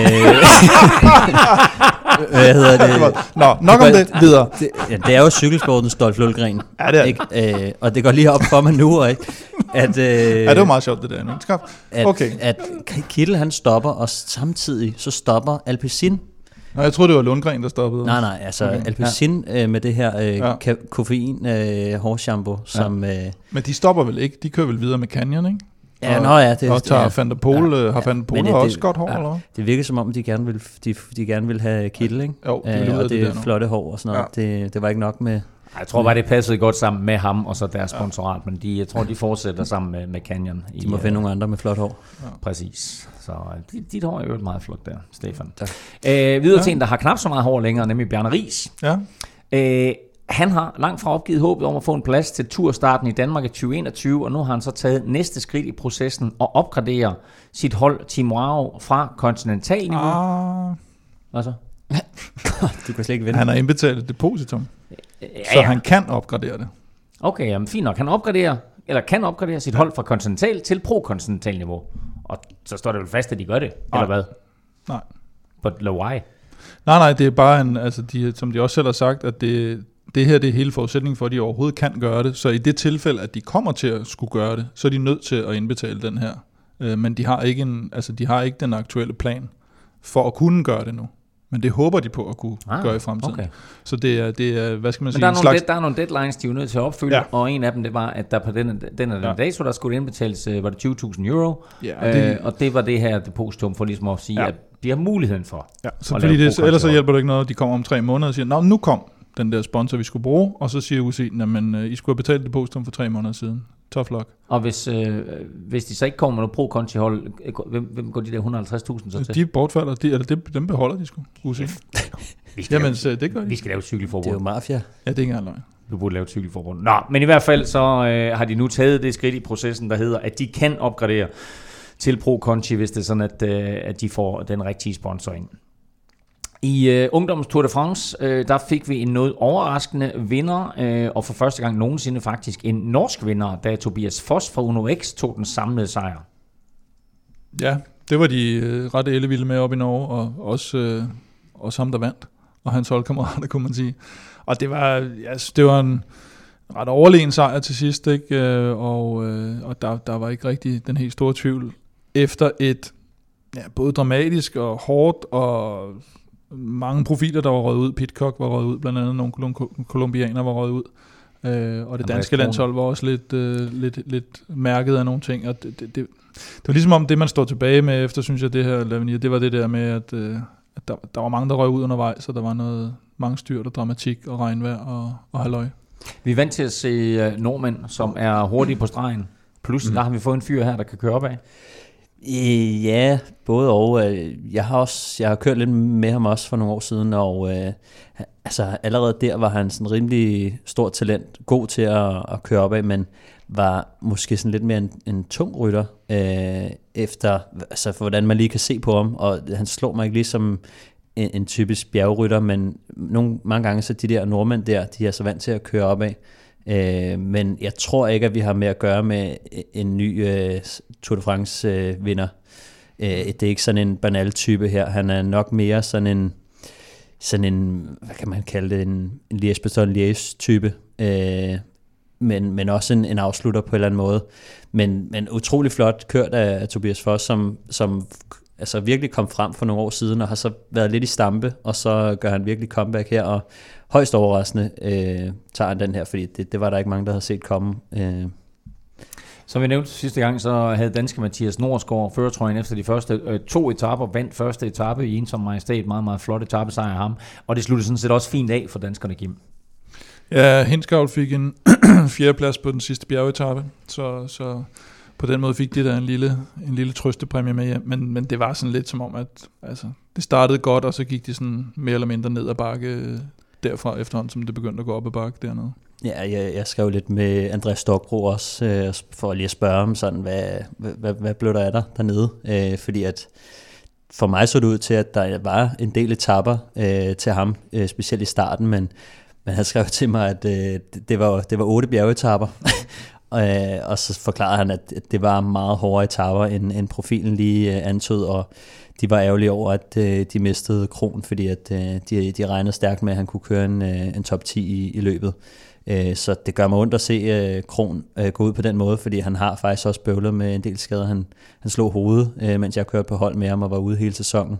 Øh, Så, så han, øh, han, han er også et stort talent, vi kommer til at se. Og, og så var det, vi skrev lidt sammen om øh, Jakob Hinskavl også, hvor jeg også sådan, det var, jeg nævnte ham inden løbet startede som, som nok vores bedste kandidat på noget, men, men de siger, at øh, han, er, han er meget svingende i sine præstationer, og det, det kan man godt forstå. Han er jo første år senior, øh, skal man også lige huske, og, øh, og der er det, at at talentet er lidt råt og knap så stabilt. Øh, så øh, så det, det er fedt at se, at han alligevel kom ind og fik en, en fjerdeplads og sad med på, på nogle bjergetapper, men, øh, men vi skal holde øje med ham de næste par år, øh, selvom den ikke lige er der endnu.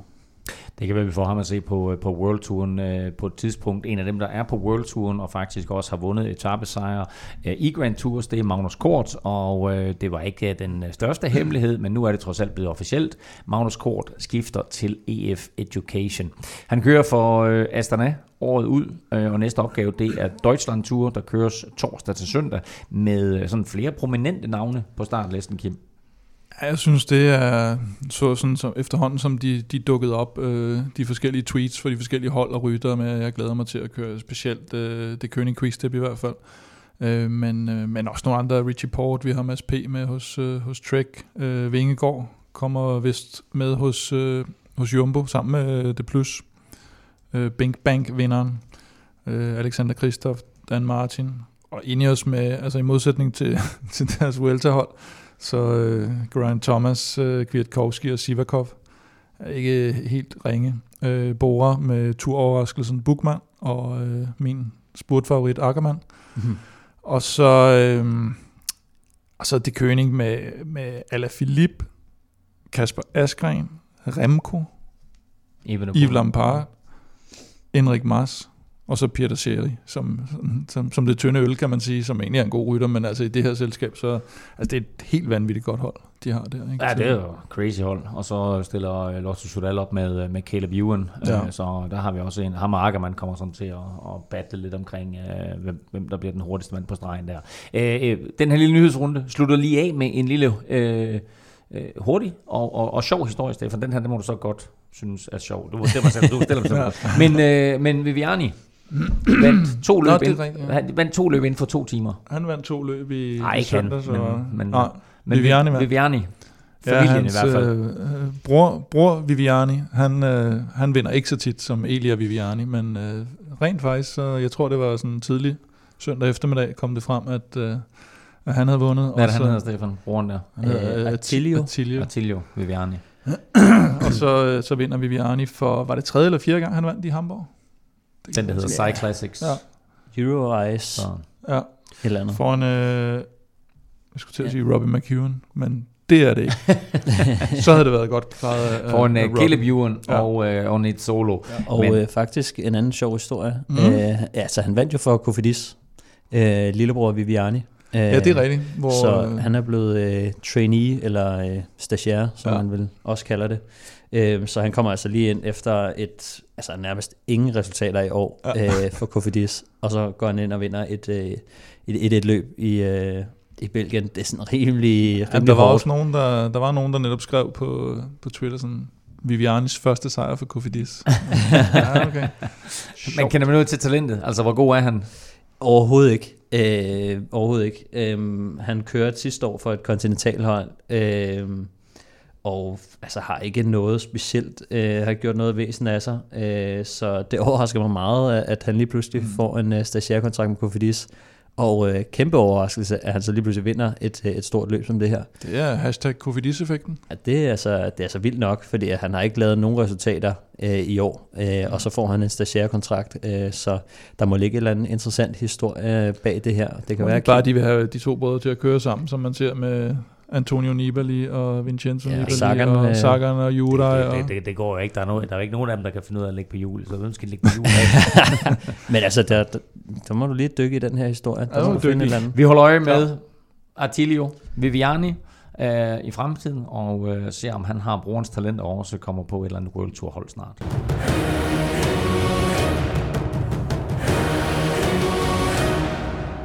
Om lidt får du Kim og Stefans fiduser til Vueltaen, bragt i samarbejde med Otse for Danske Spil. Men først lige et kig på de tre bjergetapper, der venter rytterne de kommende dage. Vi snakker altså tre bjergetapper her, alle med mål på toppen, øh, men dog uden stigninger, sådan uden for kategori. Vi lægger ud onsdag med 5. etape. Den er på 170 km og slutter på toppen af en kategori 1 stigning i små 2000 meters højde, Kim. Ja, det, øh, det er lidt af en ond øh, krabat, øh, også fordi de skal op i 2.000 meter. Øh, 12 km er 7,5 procent, men øh, de sidste 5 km, de stiger mellem 9 og 13 procent. Hvem er det en øh, fordel for? Åh, oh, jamen det er klar fordel for dem, der er stærkest. Ja, det som regel er der nogle af de her øh, i klassementet. Altså, lad os nu bare tage en Nicolas Roach. Altså, er der nogen som helst sandsynlighed for, at han fører etappen efter i morgen? Nej, det tror jeg Eller ikke etappen, men med klassementet? Ja. Det, det tror jeg simpelthen ikke på. Det, det tror jeg ikke. Han plejer at gøre det rigtig godt i Vueltaen, men det er så få sekunder, han har ned til de andre, at, at de, er, de er bedre end ham, når det går opad til sidst. Det, han bliver reddet på den anden dag, er det er en relativt kort stigning, og, og der er et fladt stykke ind mod mål. Jeg tvivler altså meget på, at han, så skal han gøre noget, han aldrig har gjort før, vil jeg sige. Øhm, og så, så er der sådan noget som Valverde, der nogle gange har lidt bøvl, når de skal netop op i alt for høje højder. Så, og Åh, nu, ja. nu kører han så også for Quintana, ikke? Så, så, så, så ham kan vi måske også... Øh. Så nogle, kolumbi, nogle kolumbianere er ikke et, et dårligt bud, tænker jeg. Men øh, Quintana, sådan, øh, som øh, en af favoritterne til etappen? Ja, han... Altså, nu, nu, nu, dømmer vi ham på et, øh, et relativt spinkelt grundlag igen, øh, den her stigning, men han, men han så godt ud. Det gjorde han. Øh, det gjorde På, han. på anden etape der. Ja, det gjorde han. Øh, torsdag kommer så 6. etape. Den er længere, men på papiret nemmere. Øh, 195 km og slutter på toppen af en kategori 3 stigning. Ja, der tænker jeg et, øh, et udbrud. Øh, netop fordi den er sådan... Jeg tror, at klassementsrytterne måske, måske onsdag sidder og tænker, at der, der kan vi virkelig gøre noget skade, og der kan være noget prestige i at vinde den, og, og, og der vil de måske gerne hen og køre om sejren. Og hvor den anden her, der er det sådan måske lidt mere tvivlsomt om, hvad der kan gøre sig skade på den sidste, og, og så kunne jeg godt forestille mig, at det, det var et udbrud, der fik lov at, at ligge og lege lidt med den, og så, så kan det også godt være, at der sker nogle forskydninger i, i klassementet bagved. Det er ikke sådan øh, de vilde højder, de kommer op i her. Øh, etappen slutter i 1193 meters højde, og den, den sidste stigning den er godt nok 8 km lang, men dog kun sådan med en gennemsnitsstigning på omkring 5%. Øh, til gengæld så er 7. etape fredag øh, noget hårdere, 197, 187 km og slutter på toppen af en kategori 1 stigning. Ja, jeg vil sige, at stigningen er jo ikke, øh, ikke super lang, og den går kun op i 983 meters højde, men, øh, men 4 km er 12 procent i gennemsnit. Det er altså, det er ikke for børn. Og der, der kan man sige, der, der er sådan en som Valverde måske mere i, i hans terræn, ikke? Øh, ikke fordi jeg tror, at, at, at han går ind og vinder den, men, øh, men der, der er forskel på de, der er super stor forskel på netop onsdagens og, og fredagens bjergetappe, ikke? Med, med, Men sådan, Stefan, sådan en, en etape der, som, som godt nok er, øh, som Kim siger, i gennemsnit 12% men dog kun 4 km lang. Altså, kan der gøre store forskel der? Ja, det kan der helt klart. Øh, Det er jo skarpe procenter, så øh, altså det, det er noget, vi så det jo også på, på Cumbre del Sol, som er meget lige det, Øh, så, så, så det kan der sagtens. Er der nogle af de her tre etaper, som ligger til en fuglsang, eller er det for tidligt i løbet? Nej, det er for tidligt, ser det ud som om, i, i forhold til hans form. Øh, der er ikke... Øh, man kan sige, at den sidste der ligger måske ikke så godt til ham, hvis... Altså lad os nu sige, at han havde været i form. Der, der tror jeg alligevel hellere, at han vil have nogle, nogle lidt længere passager, han kan, han kan, han kan, kan rykke lidt på. Men øh, jeg tror, vi skal længere hen. Vi skal nok måske helt hen til tredje uge, hvis, øh, hvis vi skal have den der etappesejr. Og han er vel også stadigvæk i en øh, altså hjælperrolle, hvor ja, han i er den låst. grad, øh, efter den der lidt øh, misære, de lavede på anden etape, der tror jeg nok, de får at vide, at nu, nu holder vi os lige så godt samlet, som vi kan. Vi skal have vores øh, spiltips på banen, og vi har naturligvis øh, vores tre øh, faste punkter. Det er Velropas vinder, det er Stefans staldtip, og det er Plæstners podie. Og vi lægger ud med Velropas vinder. Ja, nu går vi til makronerne. Sådan. Det er en ordentlig børge. Nå, det, det, er ikke det, mest, det er ikke det mest oplagte bud, det her, men øh, jeg, jeg synes, at øh, Sergio Igita fra EF, han, øh, han har skulle se lidt stærk ud. Ja. Øh, man kan sige, at han kom jo ikke med i den der frontgruppe, og det er jo så fordi Uran lå der. På anden så etape. han, så, han, øh, ja, så han lå jo egentlig, hvor han skulle i, i anden gruppe, og, og skulle ikke ud og lave noget der. Øh, men øh, han virker op på mærkerne, og øh, odds 35 som vinder. På hvad? af onsdagens øh, På femte etape. På femte etape. I, i, Ja, i, højderne, 35. I højderne. Ja, odds 35, det, det, er et dejligt odds, ikke? Han og det, hvis, hvis de ligger i en, en stor gruppe der, og, og, og så er der måske nogen, der siger, hvis han kører til sidst der, ja okay, lad bare ham få 15 sekunder. Ja, ikke? plus han er også lidt en, han er en afslutter. Ja, det er han. Øh, det har vi set før. Ja, han slog jo øh, Valverde i spurten der på anden etape, øh, da de kommer ind der. Ikke? Mm. Ikke, altså, det galt ikke sejren, så derfor så spurgte Valverde nok kun 80%, men, men, øh, men stadigvæk.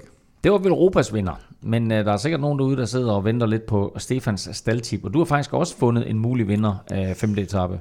Øhm, nej, det har jeg faktisk ikke. Nå, okay. øhm, men en top 3 odds. Et top tre odds, ja. ja. Øhm, når man ser på, på femte etape her, øhm, der, øh, der stiger den lidt til at starte med, øh, en, en kategori 3, og så kører den sådan lidt i et rullende terræn, kommer en kategori 3 mere, og så kører de altså hen med foden af den, den lede øh, øh, sidste stigning. Øhm, det ser ud som om, at det godt kunne blive en udbrudetappe, øh, synes jeg. øh, fordi at øh, det er Nicolas Roach, der har føretrøjen. Sunweb, de skal kontrollere etappen, og jeg tror ikke, at der er nogen af holdene, der er villige til at holde det hele samlet så tidligt i løbet. Det er rigtig mange kræfter, man skal bruge på det.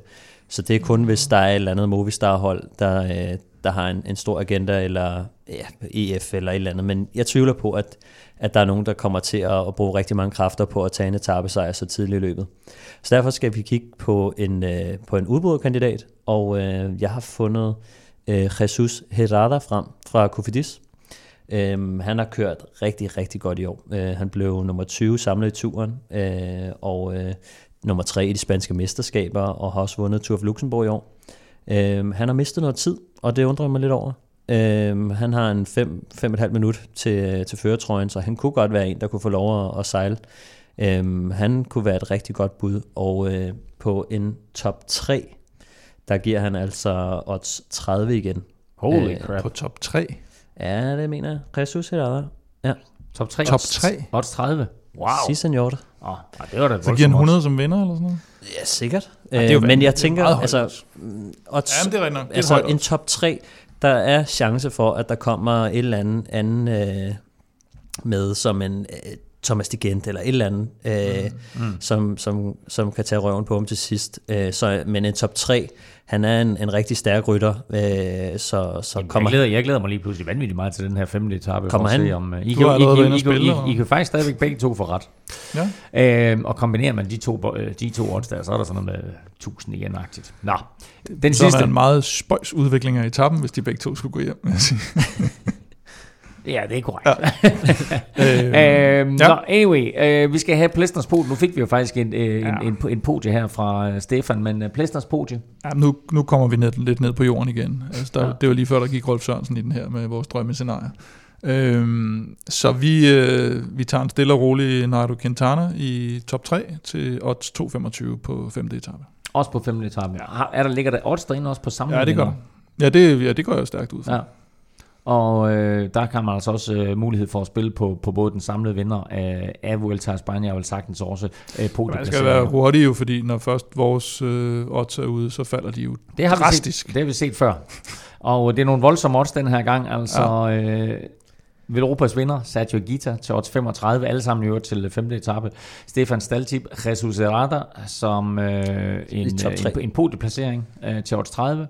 Og så altså Plesners podie, Nairo Quintana, øh, også i en øh, top 3 til odds 2,25. Første del af Vueltaen øh, slutter hen over weekenden, og det gør den med 8. etape lørdag, som øh, ligner en sprinteretape, men hvor der faktisk er sådan en kategori 2 stigning, små 30 km fra mål, der nok skal ryste de svageste af. Og så søndag kommer nok Vueltaens hidtil hårdeste etape. Tre bjerge, to nedkørsler og et stykke med grusvej, og her kan der altså for alvor komme udskilling blandt favoritterne. Vi øh, skal have afslutningen på quizzen, og øh, det var jo et øh, dejligt simpelt spørgsmål, jeg stillede jer, nemlig hvor mange gange har Steven Roach kørt i den røde førertrøje i Vuelta a España. Hans søn har lige nu den røde førertrøje, Niklas Roach, men hvor mange gange har Steven Roach, øh, den irske legende, kørt i den røde førertrøje? Øh, Stefan, du har serveretten, det betyder, at du får lov til at øh, bestemme, hvem der skal svare først. Mm. 8. 8. Øhm, Ja tak. Kim? Må jeg stille et øh, spørgsmål? Ja. Øhm, Han har kørt i den røde trøje. Det sagde han jo.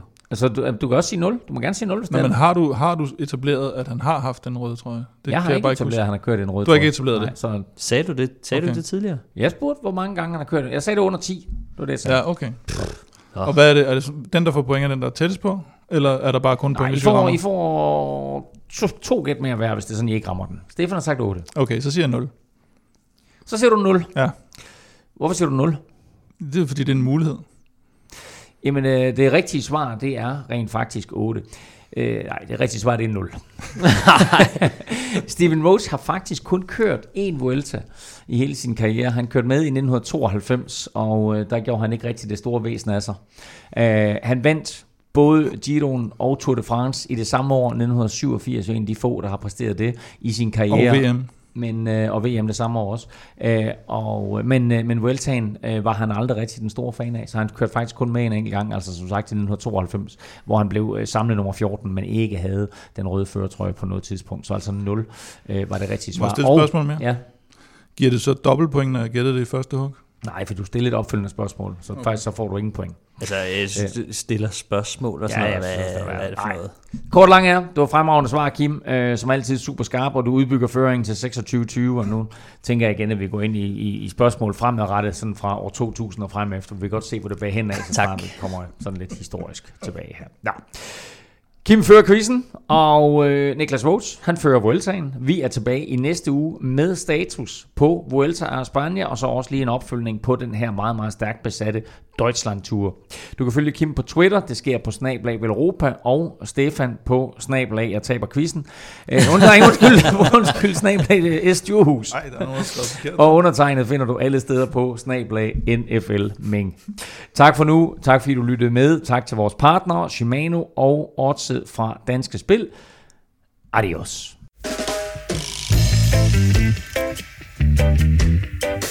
thank you